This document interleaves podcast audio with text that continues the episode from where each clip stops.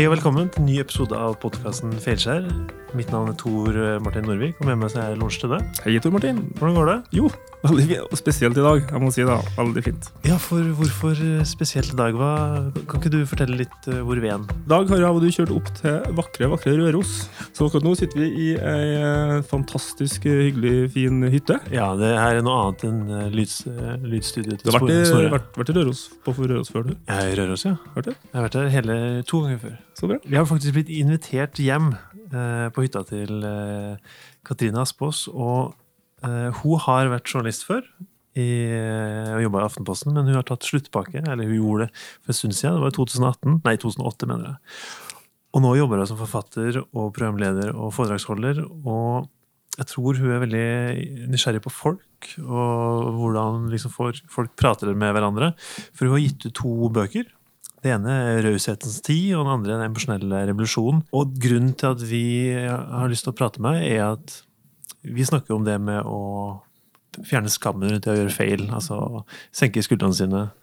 Og hun snakker jo om åpenhet og raushet. Jeg tror at det er egentlig ganske like historier som vi er på jakt etter.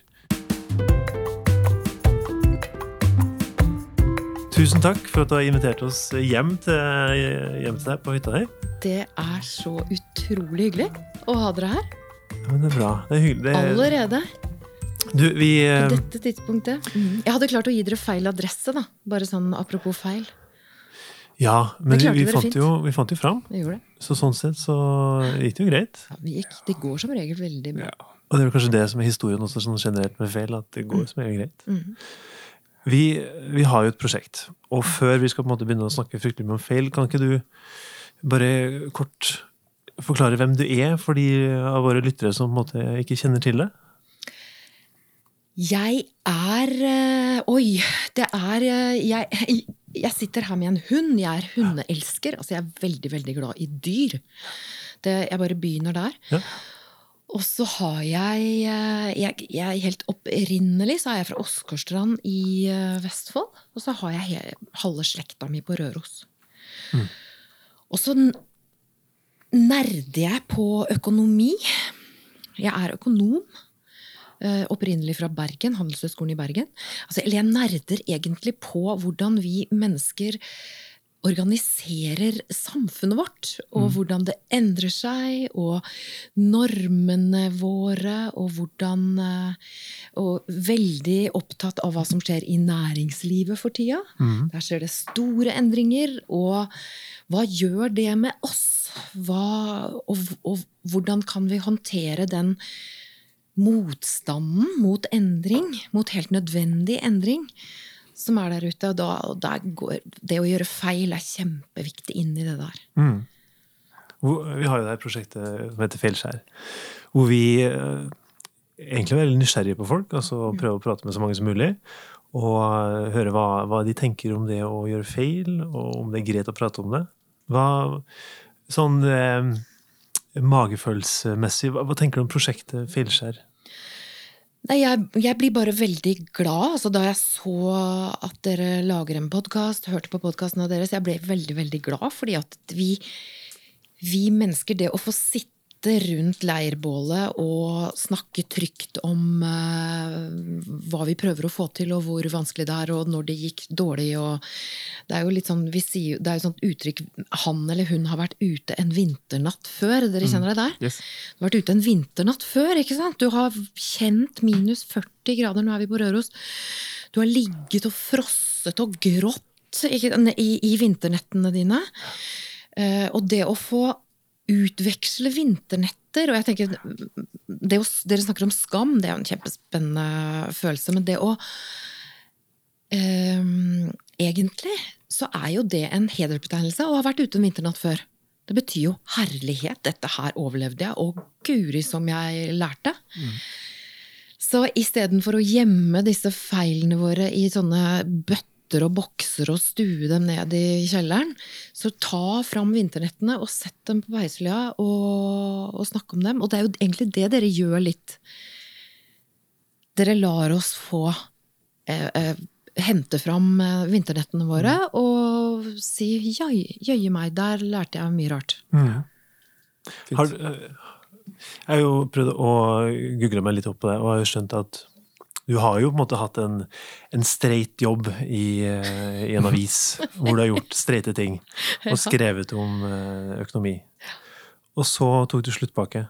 Mhm. Kan du bare forklare hva, hvordan det var å jobbe med det? For hvis jeg har liksom skjønt det riktig, så var det, var det en tid hvor du tenkte på det med følelser som på en måte eh, At du anerkjente ikke følelsene, at det var liksom irrasjonelt å kunne føle noe? Eller liksom Ja, altså jeg, det er klart at det å eh, det ha, Følelser har jo et alvorlig omdømmeproblem.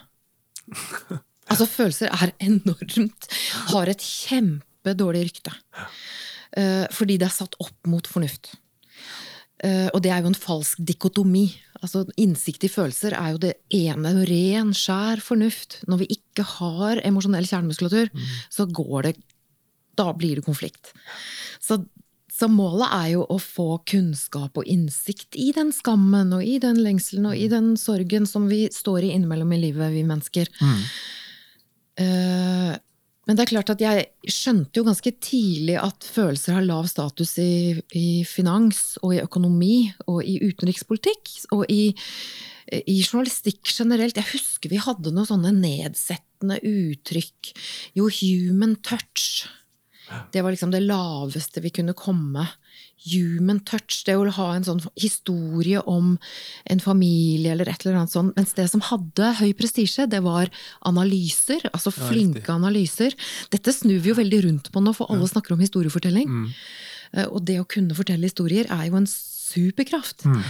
Så, så, så veldig mye har heldigvis forandra seg siden den tida. Men ja, jeg tok til meg de normene om at følelser var svakhet. At følelser var noe som, eh, som skulle eh, Hva skal jeg si kontrolleres, og, og ikke egentlig vises frem eller eh, snakkes om. Og hvordan er det liksom knytta til det å være redd for å gjøre feil? Oi, oi, oi. Jeg kjenner jo, Når jeg snakker nå, så kjenner jeg det jo i magen. Fordi, og det er også gøy med følelser, for de manifesterer seg jo i kroppen. Ja. Det er jo ikke risikofritt å sitte og snakke om dette her. Så eh, Men det å Jeg gjenkjenner den tiden som en tid for perfeksjonisme. Altså en tid for eh, suverenitet. Og en tid for eh, Det var jo før jeg hadde skjønt begrepet sårbarhet, og at sårbarhet ikke er svakhet, men et veldig mål på mot. Eh, at alt det vi skaper, det å feile er sårbart, det å gjøre noe nytt er sårbart. Det, det finnes ingen endring eller noe av verdi ordentlig uten sårbarhet, men jeg trodde det var svakhet. og så det å innrømme feil, det var vel det jeg merket meg at det gjør vi ikke her. Det gjør vi ikke her i pressen. Bare en sånn PFU, Pressens faglige utvalg. Når vi blir felt i PFU, så sto jo det liksom på skosåren. Vi, vi satte det inn i verdens minste lille notis i avisene våre, mens vi flerra opp andres feil på førstesiden. Så gjemte vi bort våre egne nederst på side 78 under tegneseriene. og det, det slo meg vel egentlig den gangen at her er det et eller annet som ikke stemmer. Men var det Men det er jo dere i redaksjonen som gjør en, en, en kollektiv eh, avgjørelse på at man skal skjule det eller grave ned. Hvorfor, hvorfor gjør man det? Altså eh, For et spørsmål. Hvorfor gjør vi det? Fordi det er forbundet med så stor risiko å gjøre feil. Det er forbundet med så mye ubehag. Det, forbundet, det kan være forbundet med at du får sparken. Det kan være forbundet med at du blir utestengt fra de spennende jobbene. Det kan være forbundet med Og det er jo forbundet med et personlig ubehag. Feil er det verste vi veit. Og hjernen Dette er hjerneforskning, så vi kan godt snakke om det etter hvert. Men, eh, det er fordi at eh, vi har jo denne reptilhjernen vår, eller den eh, amygdala-delen, som Altså det vi mennesker er mest redd for, øh, viser forskningen, det er å bli avvist. Det er å bli utestengt fra flokken. For da dør vi når vi er små. Eller vi døde på den tiden hvor vi ikke fikk sitte rundt leirbålet. Så det er ikke rart at vi er redde for å gjøre feil. Fordi vi er innprenta at det er farlig. Det er farlig. Det Kan jeg, kan jeg spørre også hvordan du skjønte at um, sårbarhet ikke var en svakhet? Oi. Eh, det var Altså, det er jo en historie fra første juledag. Hvor jeg satt Det var, hadde jeg nettopp slutta i jobben min, og jeg hadde det vondt. Jeg følte at det var en feil jeg hadde gjort da. Jeg, skjønner jo det ti år etter at det er det ikke, men, men uh, første juledag så satt jeg og hadde det så vondt. Og følte meg så aleine. Men da hadde du valgt sjøl å Ja, gå, eller? Ja. Men det var ikke bare det, for jula er jo litt sånn følelsenes forstørrelsesglass. Mm. Det er jo en, en følelsenes eh, vidunderlige, forferdelige høytid. Og dette var en jul hvor jeg satt og tenkte herlighet, jeg er singel i år òg, jeg er barnløs i år òg, jeg har ikke noe jobb engang lenger. Hva, hva er jeg? Altså, det er jo liksom en vinternatt, da. Så jeg satt og hadde en vinternatt. Og så sjekka jeg Facebook, det skal man jo ikke gjøre egentlig i vinternettene, men jeg gjorde det den gangen. Og det, det som sto ut da, var et foredrag på 20 minutter. Uh, hvor det sto rett og slett bare 'The power of vulnerability'. Sårbarhetens kraft. Og jeg tenkte, de to ordene hadde jeg aldri sett sammen. Jeg skjønte hva sårbarhet var, det, det, det satt jeg midt i. Kraft visste jeg også var, det var styrke. Men de to sammen Jeg blir andpusten når jeg snakker om dette, for det er, det er jo et vendepunkt i livet, da. Eh, og da så jeg uh, for første gang professor Brené Brown uh, fortelle om sin forskning på perfeksjonisme og skam. Hvordan de to hører sammen. Og sårbarhet og mot. Og hvordan de to hører sammen. Og etter de 20 minuttene den første juledagen 2010, nå er det snart ti år siden, så har jeg min verden sett helt annerledes ut. Plutselig menneskesynet, alt jeg har, har trodd på, har blitt snudd opp ned. Og jeg kjenner nå, mens jeg snakker om det, så får jeg gåsehud på låra. Altså, det, it's oversharing, men uh, vi er her for å snakke om Jeg er på hytta. det er ståpels, fordi uh, For det er så viktig. Det er jo bare et signal fra meg selv til meg selv om at dette er så viktig. Og jeg ligger helt i kjernen av alt det jeg har lyst til å bringe ut i verden. Alt det jeg jobber med, er tuftet på sårbarhet som mot. Men Hva, hva var hennes fremstilling av det som gjorde at det traff så godt? For, for det må jo ha gått opp Ja, Et- et- det, et lys, hadde, eller- ja, det gikk opp et kjempelys, for jeg satt jo der inne og skammet meg. Ikke sant? Jeg skammet meg over at jeg ikke var glad. Jeg skammet meg over å være singel og barnløs og uten jobb. Altså, og, for, og hun forklarte forskjellen på skyld. Altså skyld er 'jeg har gjort noe galt'. Skam er 'jeg er noe galt'. Det er noe gærent med meg. Og det var jo tanken min. Det er noe gærent med meg som ikke får til dette her. Og så fortalte hun da om forskningen på perfeksjonisme. Og det, jeg kjente jo igjen det også, for jeg var jo en uh, ravende perfeksjonist. Som leverte resultater.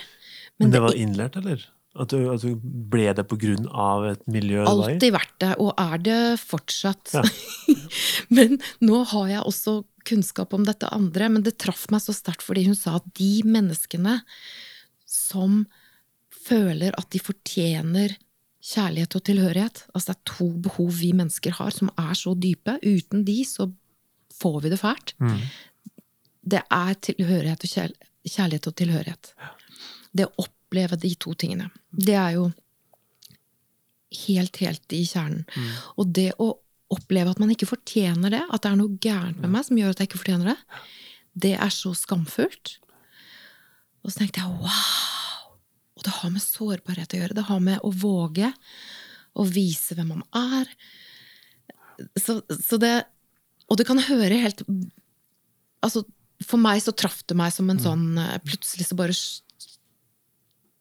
ja, skjønte jeg veldig mye som jeg ikke hadde tatt inn før. For jeg kapsla jo den sårbarheten min inn i mastergrader og tøffhet. Altså, jeg prøvde jo å være kul og tøff og eh, street smart og eh, kunnskapsrik og satirisk og sarkastisk. Jeg hadde jo Harald Eia på høyre skulder eh, i ganske mange år for å passe på at jeg var morsom nok og kynisk nok. Altså nå, Dette er tabloidversjonen, da. Men, men altså Det er jo måten jeg, og har jeg skjønt etterpå, veldig veldig mange andre kapsler inn den sårbarheten. Som egentlig er den som skaper kontakt. Hvorfor tror du at det er så mange som eh, går i den skamfella, da? Hvis man kan si det. Hvorfor er det, hvorfor er det en følelse som det er så lett å havne i? For, for det er det skal jo. Hva skal jeg si? For min del så har Altså, jeg Det kan ha Det er noe som heter epigenetikk. Hva er det for noe? Ja, ikke sant? Det kan, da kan vi la være å snakke om det. Men vi, vi kan snakke om traumer. Ja. Fordi vi, det å ha vært utsatt for noe eh, ganske tidlig, som har vært en traumatisk opplevelse, det, det preger oss så mye. Og dette, dette er også sånn som vi trenger å sitte rundt leirboll og snakke om tra traumer. For det, det viser også forskningen fra Yale, at det å sette ord på fæle ting som har skjedd, det er kjempeviktig. At vi får anledning til det. Men den forklaringen jeg har funnet nå, det er det at jeg ble så intenst mobba på barneskolen. Eh, og dette er sånn langt tilbake. Jeg har tenkt at det har jo ingenting med noen ting å gjøre. Men det å altså det, Bare sånn kort fortalt så gikk jeg i klassen med en jentegjeng som bare utestengte meg fullstendig. Inviterte, altså sånn, inviterte meg ikke på bursdager, og jeg måtte betale, husker jeg, med en sånn stor gul kam som jeg hadde vunnet i, på tivoli i Danmark. Skulle jeg betale for å komme i bursdag.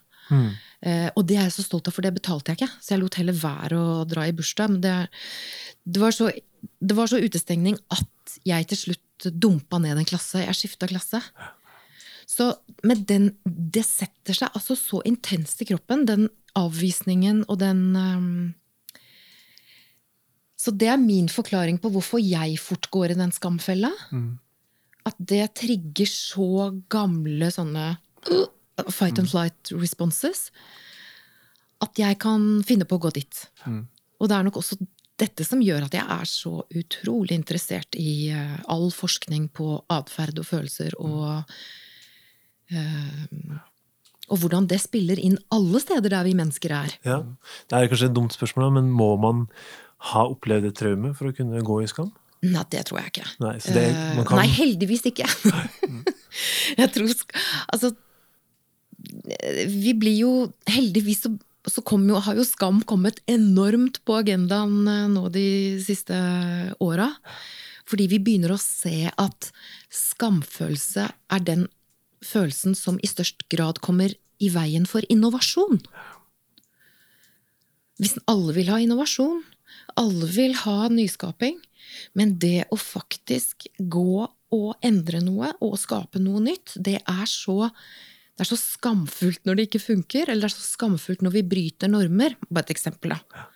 Som jeg skjønte nå her om dagen, hvor vanskelig det er å bryte normer. For da hadde jeg mitt årlige pinnekjøttmiddag for familien. ja. Og da foreslo jeg at vi skulle skifte plass rundt bordet. For vi har vel sittet på de samme plassene i 25 år, da. Så foreslo jeg at skal vi ikke Kan ikke du sitte der og du sitte der? Og det var faktisk så eh, vanskelig. Eh, jo, men det er, og det er ikke noe sånn at nå eh, er, altså Bare for å komme med et bilde på hvor, hvor sterkt normer sitter. Og, de, og hvor vi sitter rundt bordet, viser jo også atferdsforskningen har veldig mye å si for hvor kreative vi er. Hvis vi sitter på de samme plassene, og de samme menneskene sitter ved siden av hverandre hele tiden, så skjer det ingenting. For det er komfort. Og da, når du ber folk om å skifte Altså mm. gjøre noe for ikke å være komfortable, så setter jo reptilhjernen inn. Og det er ikke noe rart, for, vi, for hjernen vår er skapt for å holde oss trygge. ja, rutiner er jo trygt, da. Rutiner er veldig trygt, men det å ha kunnskap om dette her Det var en prest en prest, jo, jeg tror det var prest, jo. Han sa en gang til meg her med at man er ikke sterk før man tør å vise seg svak. Og det ble sånn viktig for meg en gang. Det ordet 'tørre' gjør det her. Ikke, det, ikke, ja. Så ikke det at, ikke at den er sterk når den er svak, men det at den tør. Målet må ikke være svak, da, men det er som å tørre å vise seg svak. da, på en måte der, og det ligger, For meg så er det det du snakka om i stad, ja, med mot og sårbarhet. da, Det ligger det med å tørre å vise seg svak. Det er en sterk ting, egentlig. Ja. Så, må, ja, så, så tror jeg bare sånn, han, den, Men den samfunnsstrukturelle tingen vi i dagens samfunn har i forhold til skamfølelsen så, sånn, tror, Hvilket forhold her tror du det er en I verdens beste land, verdens rikeste land, er det ekstra belastning det er da å dette utafor? Fordi at vi skal jo ikke dette utafor i landet her. Altså, vi skal jo ikke, altså, ting er jo, Alt er i orden, egentlig Ja. blir det en ekstra belastning da, å sitte der første Ja. juledag det året. Det, det er vel ganske godt dokumentert at det er. Men- Og det som er så interessant, er at det er en belastning for de fleste. Altså det, er er en belastning for veldig mange av oss. For det er belastning å skulle holde en fasade, eller det er en belastning å, å skulle sitte i selskaper og være perfekt. Altså det er en enorm kraftanstrengelse. Mm. og ikke blir det gøy. Og ikke er det hyggelig.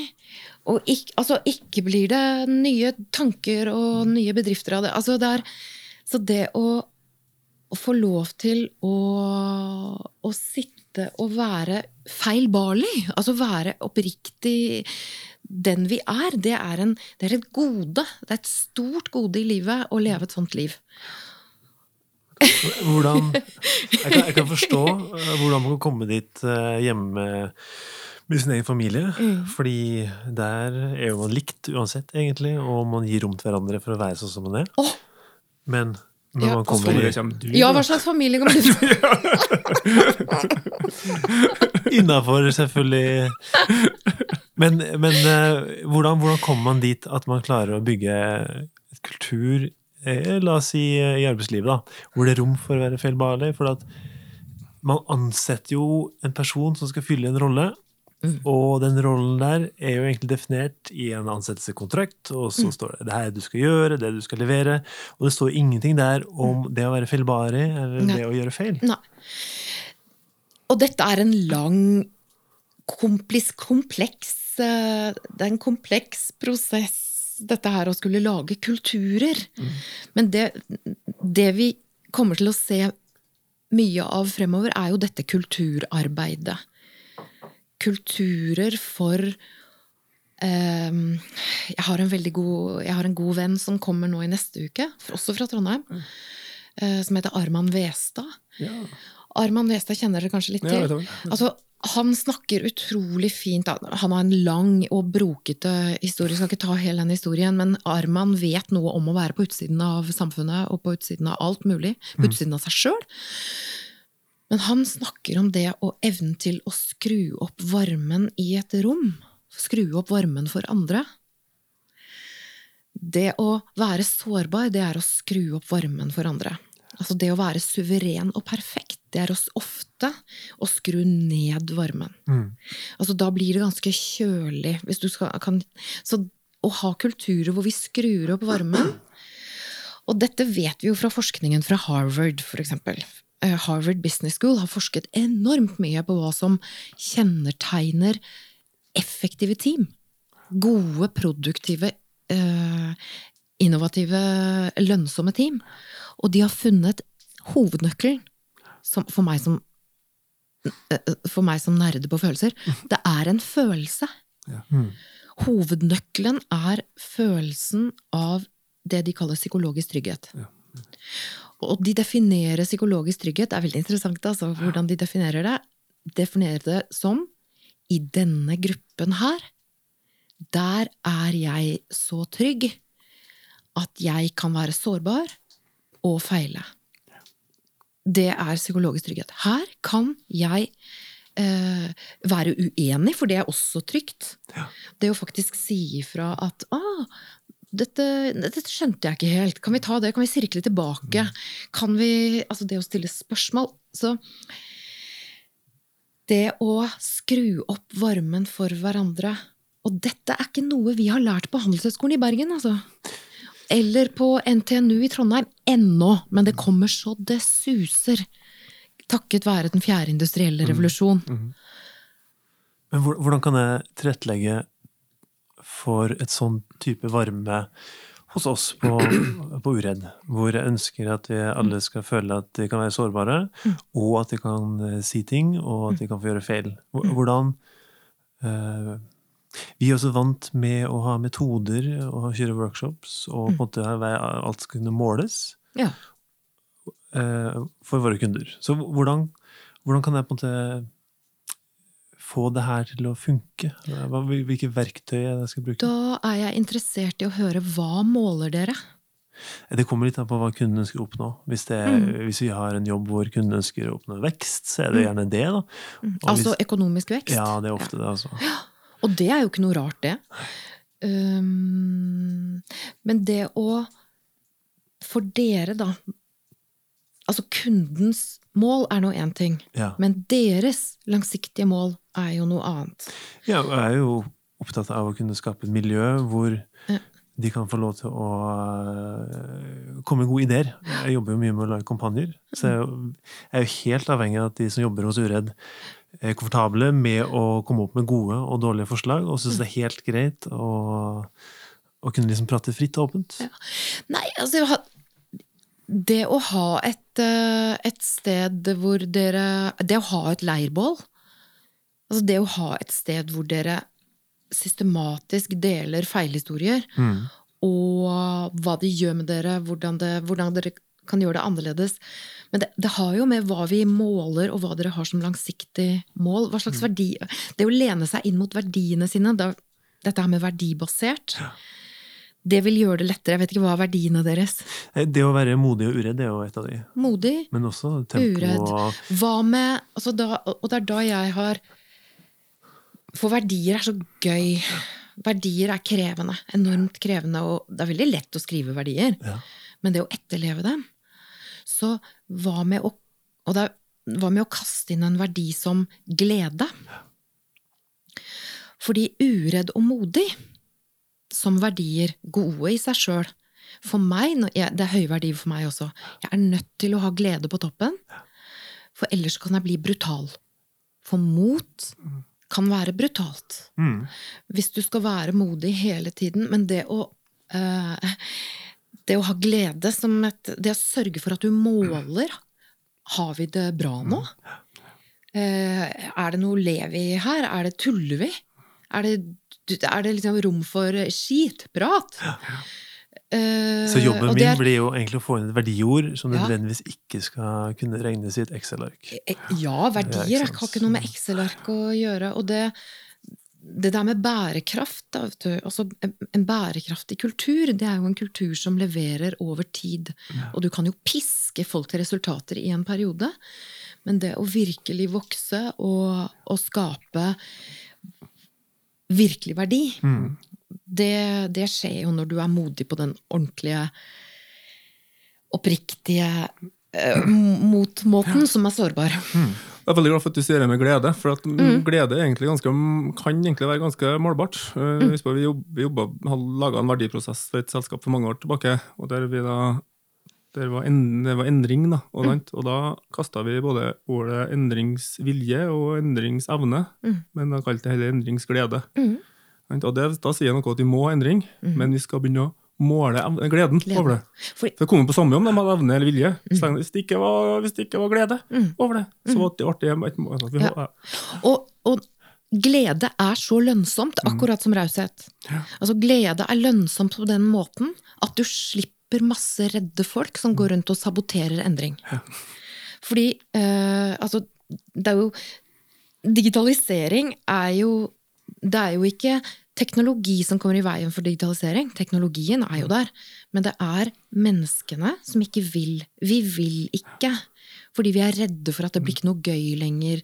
Det blir ikke bruk for meg lenger. Det er masse følelser. Nå er vi tilbake til følelsene. Det å ikke ta eh, bedriftens emosjonelle eh, kapasitet og emosjonelle temperatur på alvor, det er da du ikke får til endringer.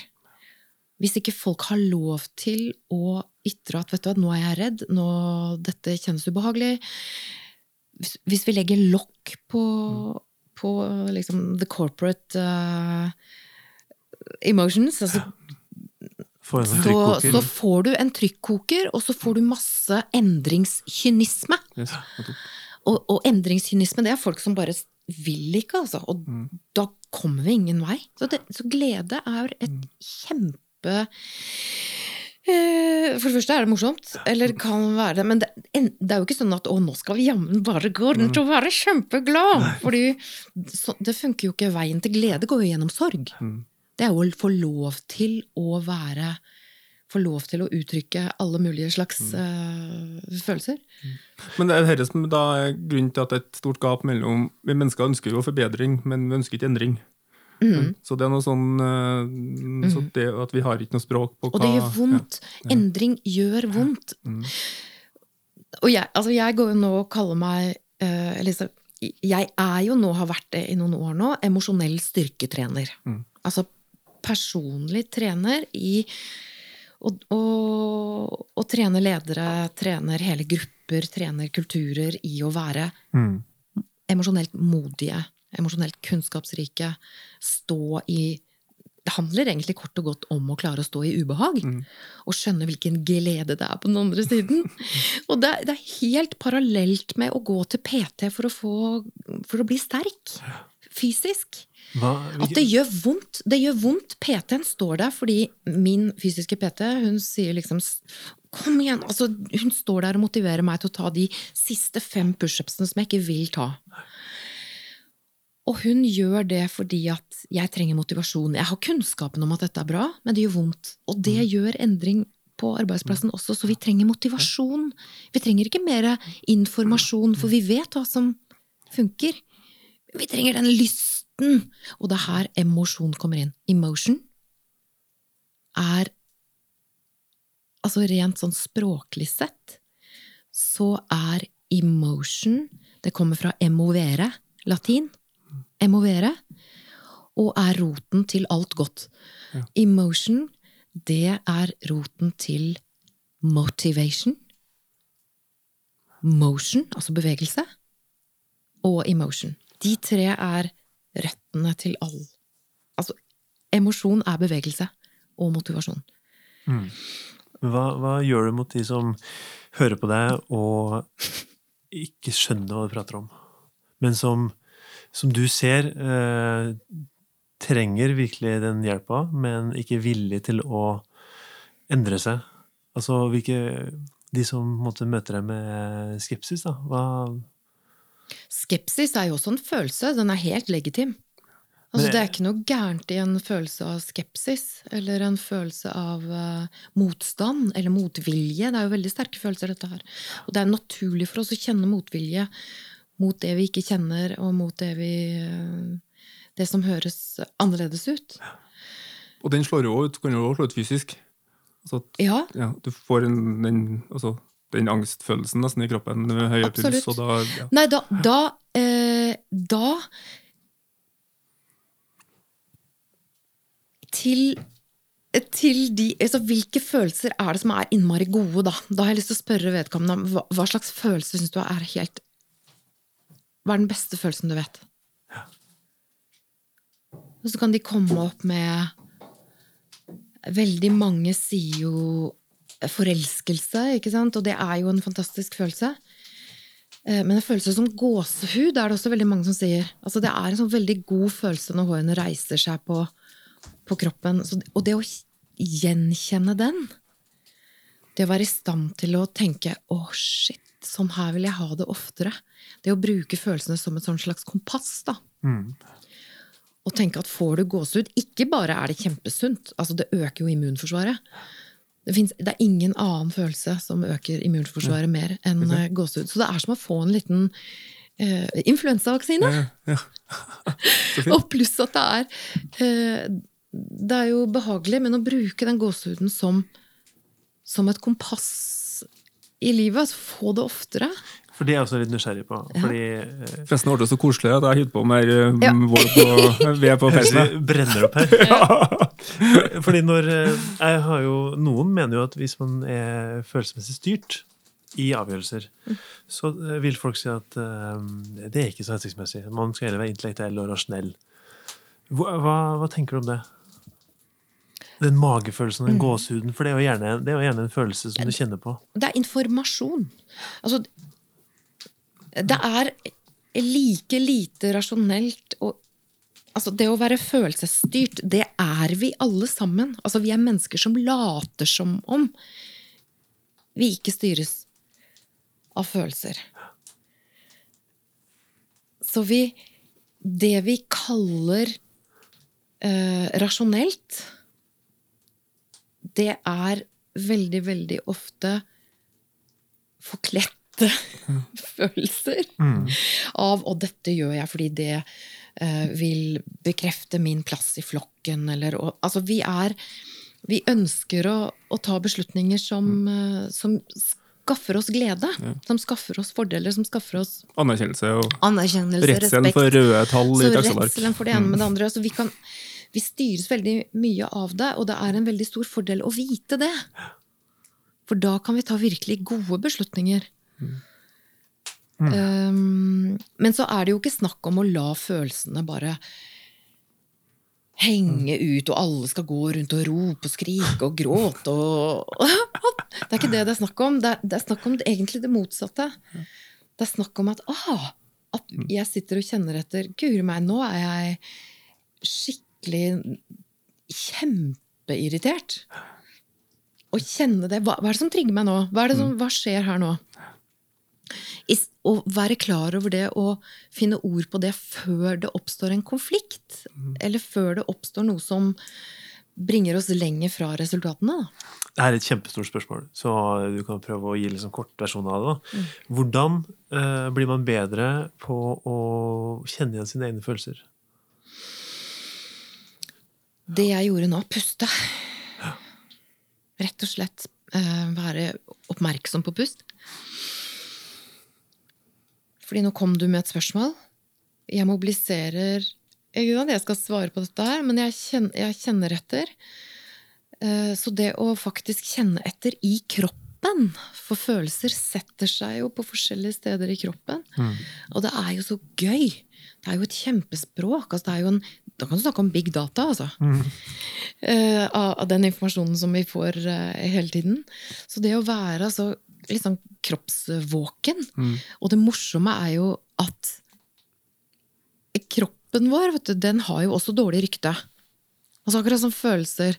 Det som har godt rykte etter 400 år med opplysningstid, det er jo øh, den såkalte logikken og det som skjer oppi hodet. Har veldig godt rykte. Mens alt annet, liksom kroppen her, har jo kjempedårlig rykte. Den rødmer jo, den lager lyder, og den er jo helt uregjerlig. Ah, Jo, men i den tiden vi kommer, står helt på terskelen av nå, som er igjen den fjerde industrielle revolusjon, Hva, hva er det for noe? det er når eh, kunstig intelligens og eh, ekstremt avansert teknologi overtar 70% av det vi har kalt arbeid til nå. Alt som har med tall å gjøre.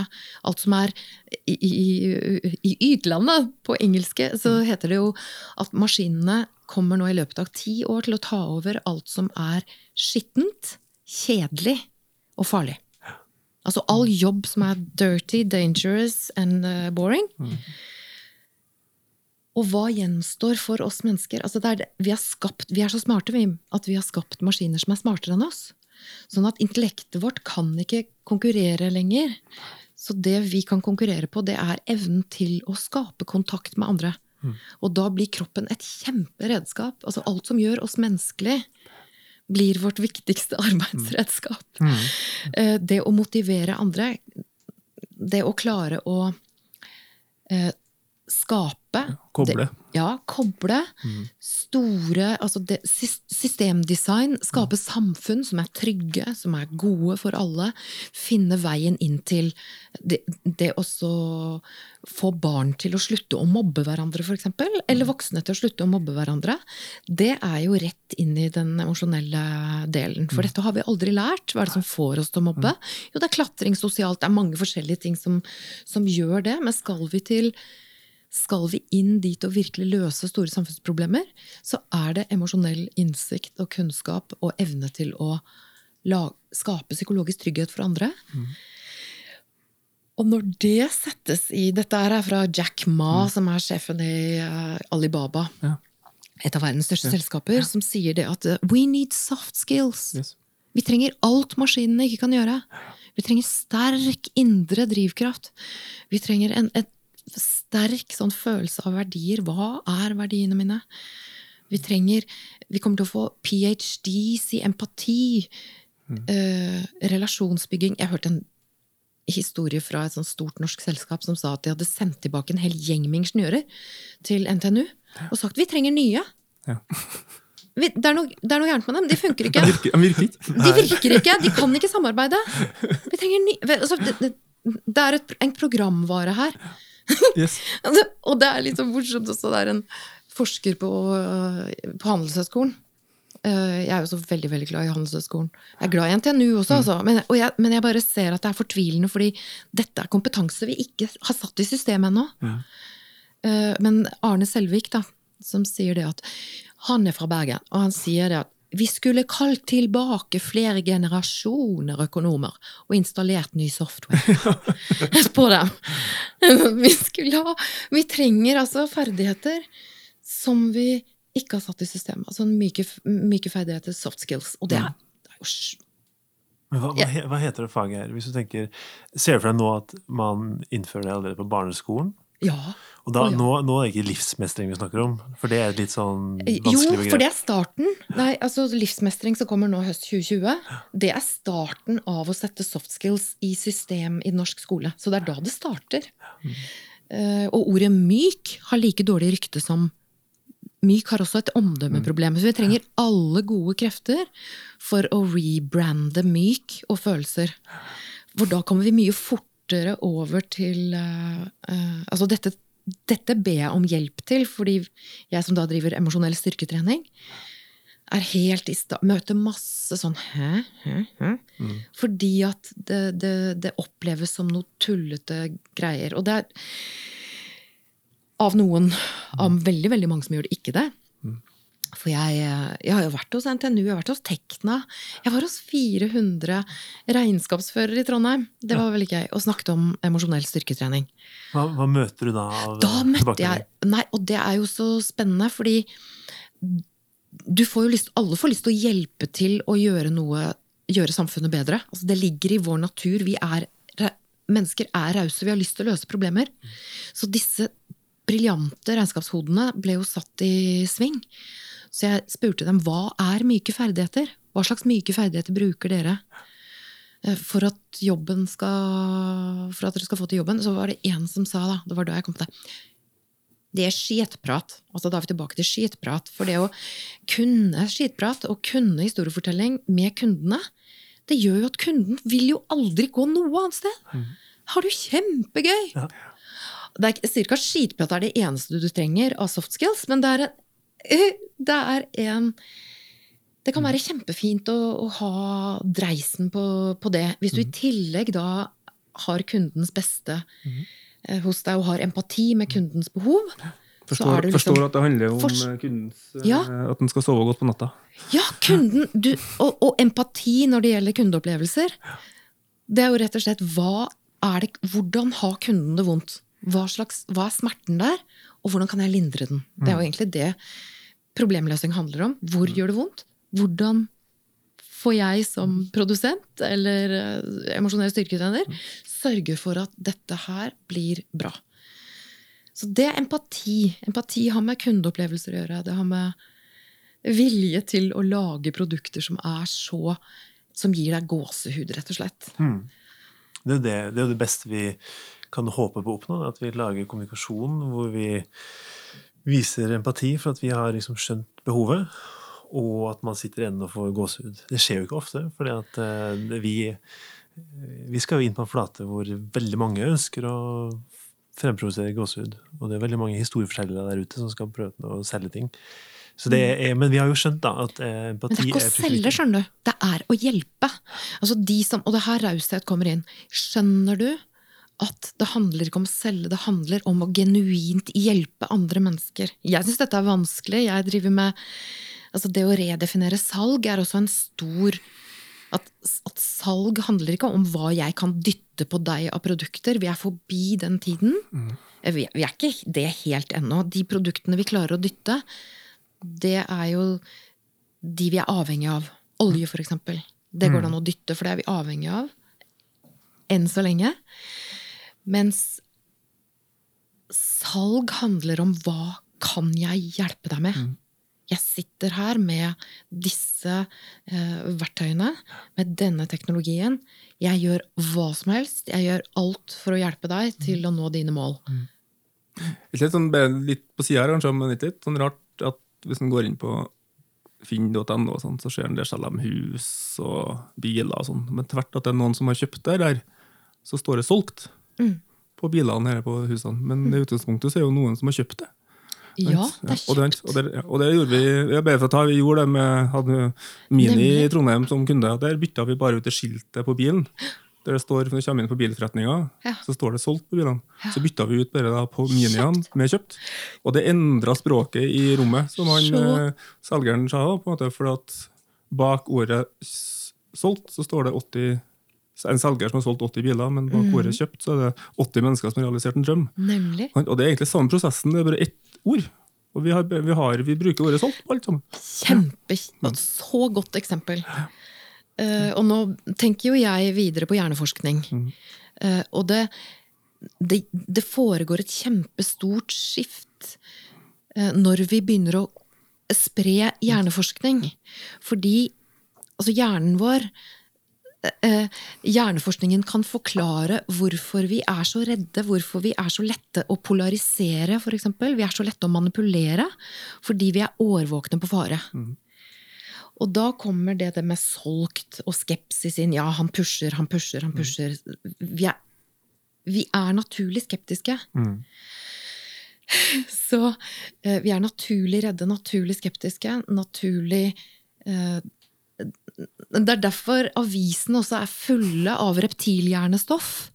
Det kommer en tid hvor avisene og hvor pressen begynner å skjønne at vet du, det vi gjør, det vi pusher, er ikke bra for samfunnet. Vi blir redde av det. Vi blir, uh, vi blir dårlige av det. Vi blir deprim kollektivt deprimerte. Vi blir motløse. Mm.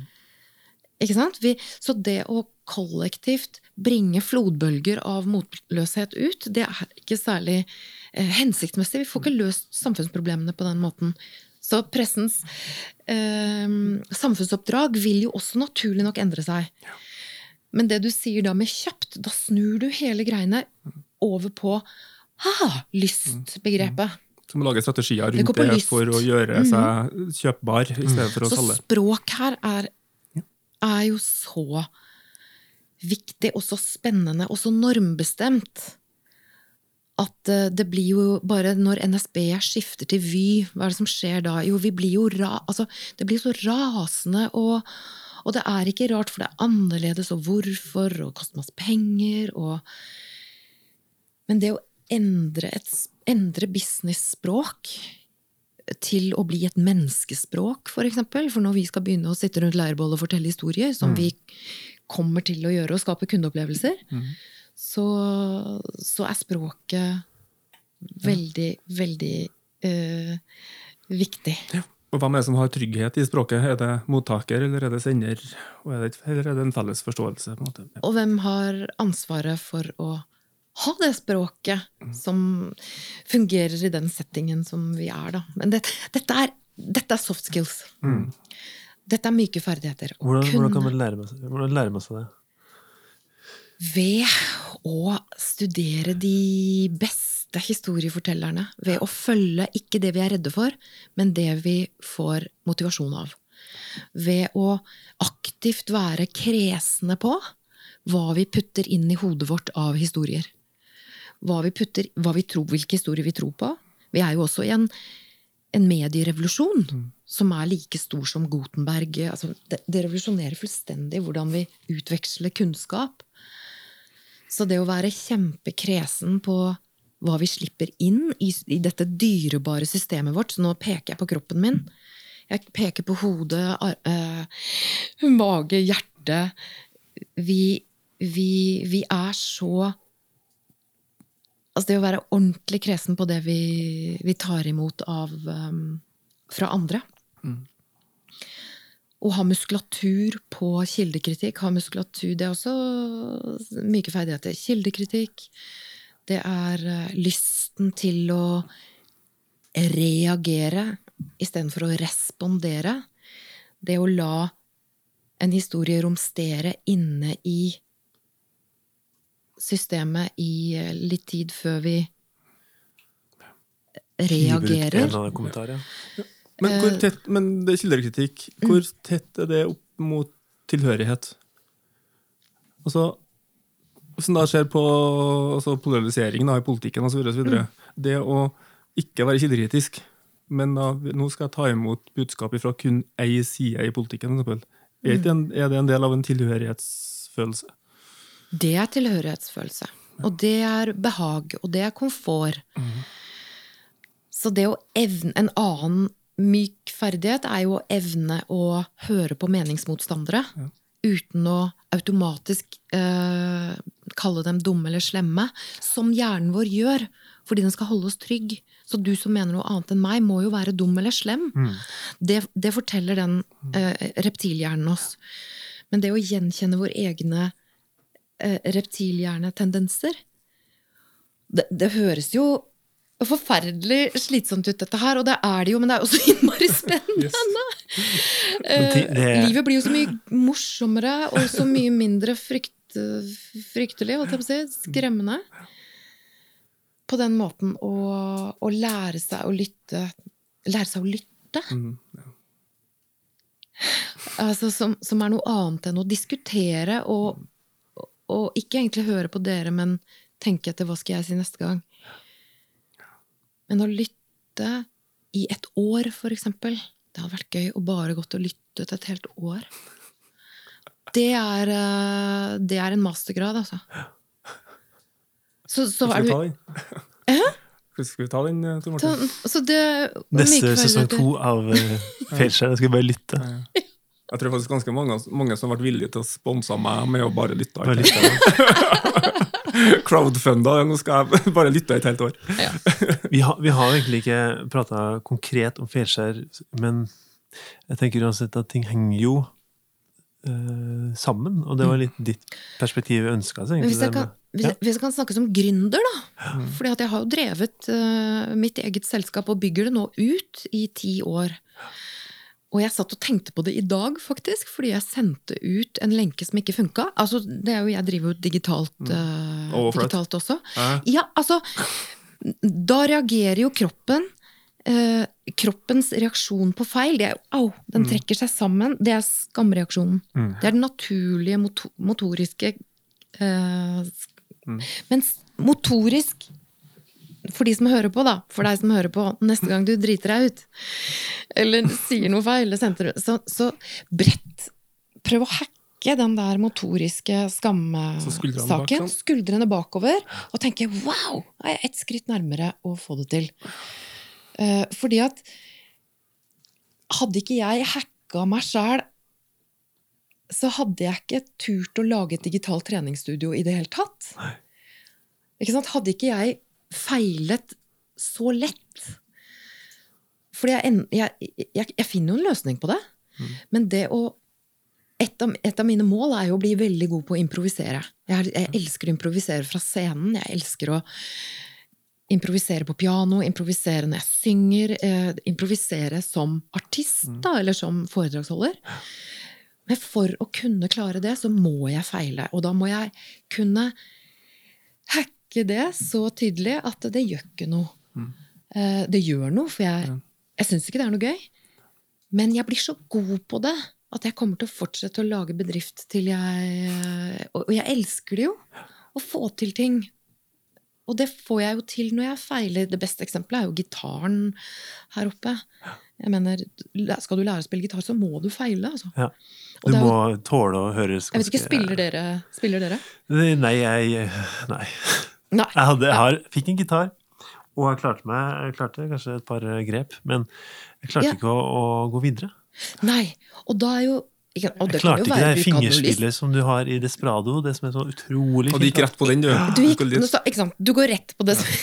Jeg kan, jeg kan ikke spille gitar, for jeg fikk ikke til Desperado. Nei, ikke sant? Jeg fikk ikke til Desperado. Og sånn er det jo veldig lett å også tenke. Og nå skal vi bygge bedrift. Nei, jeg fikk ikke til det første gangen, så da kan jeg ikke bygge bedrift. Altså Mm. Poenget er at vi vil vi noe så intenst da, når motivasjonen kommer sånn fra innsiden. For meg er det å spille piano og synge så det er det morsomste jeg gjør i hele livet. Så det, jeg vil gjøre det. Og det gjør vondt, fordi jeg feiler så intenst når jeg skal lære meg noe nytt. Og så Men det er muskulatur, da. Det å, å stå i det ubehaget som er feil. Det er, det er den viktigste muskulaturen jeg kan, tenker at barna våre kan lære, ungene våre kan lære. Og tåle andres feil også, og se at ah, når andre gjør feil, så er det bare deres vei til mastering. Det er deres vei til å Finne ut av ting, ja. mestre og til å gå videre. Jeg mener Hvor mange Potetgullet? Det er en feil! Mm, ja, sånn Eh, og så tenker jeg på lyset på Thomas Alva Edison, som fant kobberledningen sånn at vi fikk elektrisk lys. Altså det er ganske svært. Men jeg tror Jeg lurer på, jeg. Vet dere hvor mange ganger han feila før han fant den kobbertråden som funka? Jeg, var har et tall på en gang. Det, vi snakker liksom mangfoldige tusen ganger, og det er da, da skal du være så god på å feile. Og til slutt så sitter du der med nobelprisen. Altså det er veien Hvordan har vi klart å bygge denne prestasjonskulturen, da, som forventer at man skal klare alt på første forsøk? Åh, det var et vondt spørsmål. Det var smerte å høre det spørsmålet. Hvordan har vi klart å lage en prestasjonskultur? Jo, jeg tror det også har med hjerneforskning å gjøre. Eh, Fordi vi driver jo med den tortur, torturen det er. Det fins en Vi driver jo med tortur, en type tortur som heter sosial sammenligning.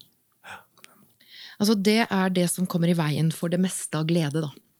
Det er fantastisk å sitte her oppe på hytta mi helt til jeg begynner å sammenligne med de som sitter der sammen med sin kjæreste og masse unger. Og, altså, sosial sammenligning er forferdelig. Og vi har det med å sammenligne oss med andres utside.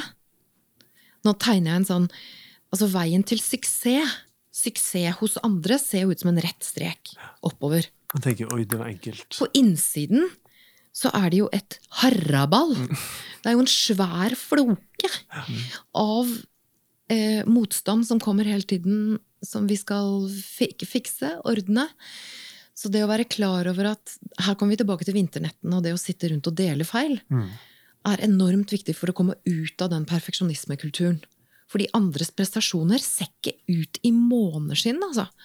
Det er så mye forsakelser, og så mye smerte, og så mye eh, feiling, og så mange brudd, Søvnløse netter. og så søvnløse netter, og hjertesorg, og eh, svett, blod, svette og tårer. Altså, på innsiden av suksess så ligger alt dette her. Og de rauseste, mine helter og heltinner, de forteller om det. De forteller om hvor vondt det er å skulle nå disse målene her. Og, og, um, og de, de deler raust. De skrur opp temperaturen i rommet, sånn at flere våger. For vi trenger alle vi kan få tak i som våger. Og la sitt lys eh, skinne over verden og um, bære ved til bålet. Vårt felles samfunnsbål for å løse problemet. Vi trenger masse mennesker som våger. Og da trenger vi de som deler på feila sine. Syns det var en fin avslutning på leirbålpraten vår. og eh, hver gang så spør jeg jo lunsj. Da er vi like overraska hver gang òg. Hva, hva, hva sitter igjen med lunsj, hvis du skal prøve å trekke ut uh, oppsummeringa? Uh, syns innslaget fra Katrine var litt sånn fint. Du sa at han nerda på økonomi.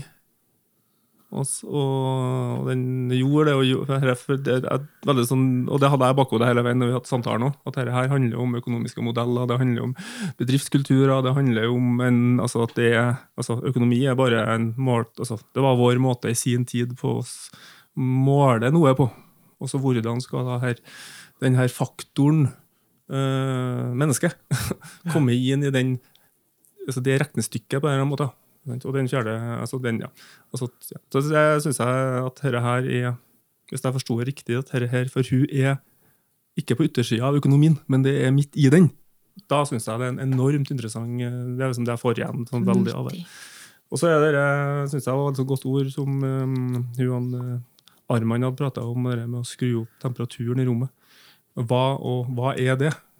Er det å si at en gjør det, eller er det å ikke si noe? Er det å lytte, eller er det å prate mye? Eller, ja, sånn, der er det en sånn, er det, er det modeller, eller er det metodikker, eller er det bare å sette seg på hytta, eller hva er for noe det? Og, nå er, sånn, og det er viktig at det ikke er da at sannheten om hva det er, blir etablert av vi som sitter på hytte heller, men at det kan være metod, små ting i bedriftskulturer, det kan være små grep som en gruppe er enige om. Mm. Og det er noe med å finne de her ledertypene der, eller finne de metodikkene der. Og så syns jeg det er en um, veldig sånn god, veldig god stemme inn i det her Feilskjær-prosjektet vårt om å fortelle om ja, sårbarhet. da. Det å tørre å For det vi har snakka om masse, og at så lenge at vi veit hvordan vi skal komme oss ut av noe som er ubehagelig, så tør vi å, å starte på noe som potensielt kanskje er ubehagelig òg. Så, ja. så jeg syns det var en veldig sånn fin og god stemme i praten. Men du, har du Jeg tenker at Hvis man skal bare ta ut én ting av det, så er det bare å erkjenne at folk har følelser, og prøv å finne dine egne. Mhm. Jeg tror det kan styrke deg i uansett hva du foretar deg.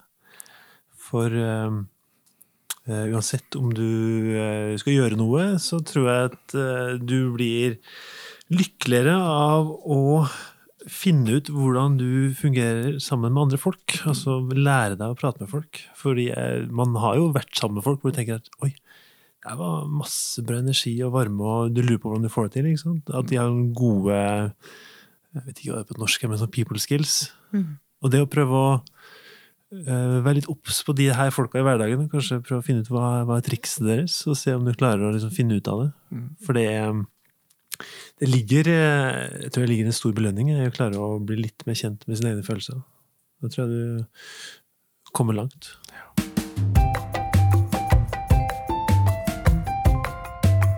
Da har vi kommet til den delen av podkasten hvor vi har eh, en avskjedsgave til eh, de som har eh, hørt på. Så Katrine, hva er det som har gjort deg glad den siste uka? Snøen. Ja. Snøen gjør meg så lykkelig. Altså, det tror jeg også har med at bikkja mi blir så glad. Så hun ruller seg rundt. Det er bare ren sjø. Det er fryd. Det er fryd, altså. Så jeg må si snøen. Og så Jeg skjønner det når jeg jeg ser utafor hytteveggen her, at snøen er jo Og nok en ting som er bedre mykt enn hardt. Ja, og puter. er mykt. Ikke noe, ikke noe godt å hoppe i hard snø. Men myk, deilig snø. Så myk snø som faller, den daler. Å se snø som daler, tror jeg faktisk er en av de beste følelsene jeg vet. så Så jeg ble veldig glad. Og når det i tillegg For her kommer egentlig gaven. Eh, det Når det i tillegg Når jeg snubler over en podkast som jeg ikke hadde forventet, som kom helt fra ingensteds fra. Det kom fra Amerika. Eh, men det er rett og slett en podkast med Goldie Hawn. Husker dere Goldie Hawn? Ja, ja. Hun Um, var jo i en morsom film med jeg tror det var Døden kler henne. Ja. Altså, hun snakker, det er noe av det beste jeg har hørt på veldig, veldig lenge. Hele kroppen min fryder seg, hjernen min fryder seg, hjertet mitt fryder seg, alt fryder seg. Eh, og det Goldie Hawn egentlig driver med, og det er jo alt dette vi ikke vet om hverandre, men det hun egentlig driver med, det er eh, emosjonell styrketrening for barn. Så barn skal være rustet, kunne dette med hjerneforskning, kunne følelsene sine, bli sterke eh, emosjonelt fra starten av. Og det programmet hennes det heter Mind Up, for de som er interessert i virkelig å Altså, det skjer et så skift, så den podkasten der var helt fantastisk. Jeg, må høre den om igjen. Ja, men da bør jo folk sjekke det ut. Goldie Hawn, Sounds True heter de eh, som har den. Goldie Hawn, Sounds True, Mind Up. Helt fantastisk. Også med snø, da. Ja, men supert. Lunsj? Uh, ja, etter jeg flytta på, på landet, så en, en av tingene jeg savna fra bylivet, det er altså å gå etter jobb, sette meg på en pub alene, ta en øl, ta fram Mac-en, og så det dumpa bare sånn tilfeldigvis folk på bordet. Kanskje, kanskje ikke gjorde det òg, men sånn den her, og så bare helt uforberedte prata, liksom. Så før en dag her så fikk jeg gjort det på Inderøya et stykke unna der jeg bor, da, men jeg fikk ordna så at jeg ikke trengte å kjøre hjem. og sånn, Så jeg bare satte meg ned, så sendte jeg melding om at det var en av tingene jeg savna fra byen. En følelse var sånn og sånn, og til, liksom, til info. Så sendte jeg til en seks-sju stykker som jeg visste bodde i nærheten. Og så dukka det opp to stykker, altså svarte jeg ikke på meldinga jeg fikk fram. så folk sa. Så plutselig så var det to stykker som kom, som ikke kjente hverandre. Så kom de, og dem og savna jeg litt, og så svarte det bare en kveld der vi satt hele kvelden og drakk litt øl. Og. Så det var veldig sånn fin Det ble en enormt fin kveld. Den har jeg levd på liksom i over en uke nå. Kjenner jeg finner en sånn god følelse i kroppen. liksom. Ja. Så det er en av tingene. Det er leirbålet. Ble plutselig et lite leirbål den kvelden. liksom. Det var fint. Koselig. Så det anbefaler jeg alle. Kjempekoselig. Og sånne ting som bare blir til. Mm, ja, det var helt fantastisk. For det var ikke så farlig om ikke det var, for Jeg hadde jo alltid noe å tenke på eller skrive på eller filosofere over. Og så var, ja, det ble, ble utrolig fint. Ja. -hmm. Så det var en slags gave. Jeg får gjort meg glad. Det er en veldig enkel, eh, konkret, eh, fin liten ting, og det er julelunsj eh, Scandic Nidelven. Nå er det jo desember, og da åpner jo flere hotell tror jeg, dørene til folk, så de kan ha muligheten til å booke bord og ha julelunsj. Og vi var i, i helga på, på Scandic Nidelven, og de jeg tror de har blitt kåra 13 år på rad på liksom, Norges beste frokost. Og hvis de har Norges beste frokost, så har de sikkert også ganske god julelunsj. Det hadde de. Og da er det jo eh, Da sitter du to timer, og så spiser du egentlig bare så lenge du orker og gidder, og eh, legger bort skammen. Og bare ete, ete, ete. Matskammen. Eh, Legge bort matskammen, ja, og bare kose seg. Og det, det, var, det var veldig fint og koselig. Så det kan man godt gjøre til neste år også. Og bare egentlig samle flokken sin, og så bare booke seg et eh, bord. Og så bare stresse litt ned og la noen lage god mat og bare kose seg. Og tips. Fint. Herlig. Tusen takk til de som har hørt på oss eh, så langt. Og stor takk til deg, Katrine, for at du åpna døra og inviterte oss til hytta di. Takk for at jeg fikk lov til det, og at dere kom. For de som har lyst til å bli litt mer kjent med deg, hva, hva, hvor, hvor kan de gå hen? Da kan de gå på internettet og eh, egentlig skrive inn emosjonell styrketrening. Da det, det de finner der, eller det du finner der, det er et gratis eh, kurs med forskningen og med hele Du får egentlig sånn der liten konfekteske. Med, med små historier, og du får en verktøykasse og en konfekteske. Med emosjonelle verktøy og egentlig til å sette disse myke ferdighetene i system. Ja. Og bli knallgod og sterk til å feile og til å våge. Så det er sånn Det har vært kjempe Nå er vi 7000. På et år så har vi vokst til 7000 Som et slags sånn community som, som, ja, som er der inne og trener. Eh, Så velkommen inn, altså. Dette setter vi jo i system, fordi at det blir eh, bedre samfunn og bedre Vi får det bedre med oss sjøl og andre. med denne kunnskapen her. Ja, Spennende. da. Folk som da kjenner sin besøkelsestid, må jo bare ta turen, da. Hjertelig velkommen, i hvert fall. Og nysgjerrighet. ja. Veldig hjertelig velkommen. Og for de som hører på, hvis dere har noen tips til hvem vi burde ha prata med, eller kanskje dere har noen egne feilskjær dere har lyst til å prate om, så bare send oss en mail på feilskjær.uredd.no. Og gi oss gjerne en tilbakemelding, enten der hvor du hører på podkast, eller send oss mail. Vi syns det er veldig stas å vite hva du synes. Og hvis du har noen tips til ja, hva noe annet vi burde gjøre i stedet, om vi skulle legge opp, så si nå det. Vi kommer ut hver eh, søndag, og det er en samproduksjon mellom Uredd og Lydsporet. Ha en fin dag. Ha det! Ha det!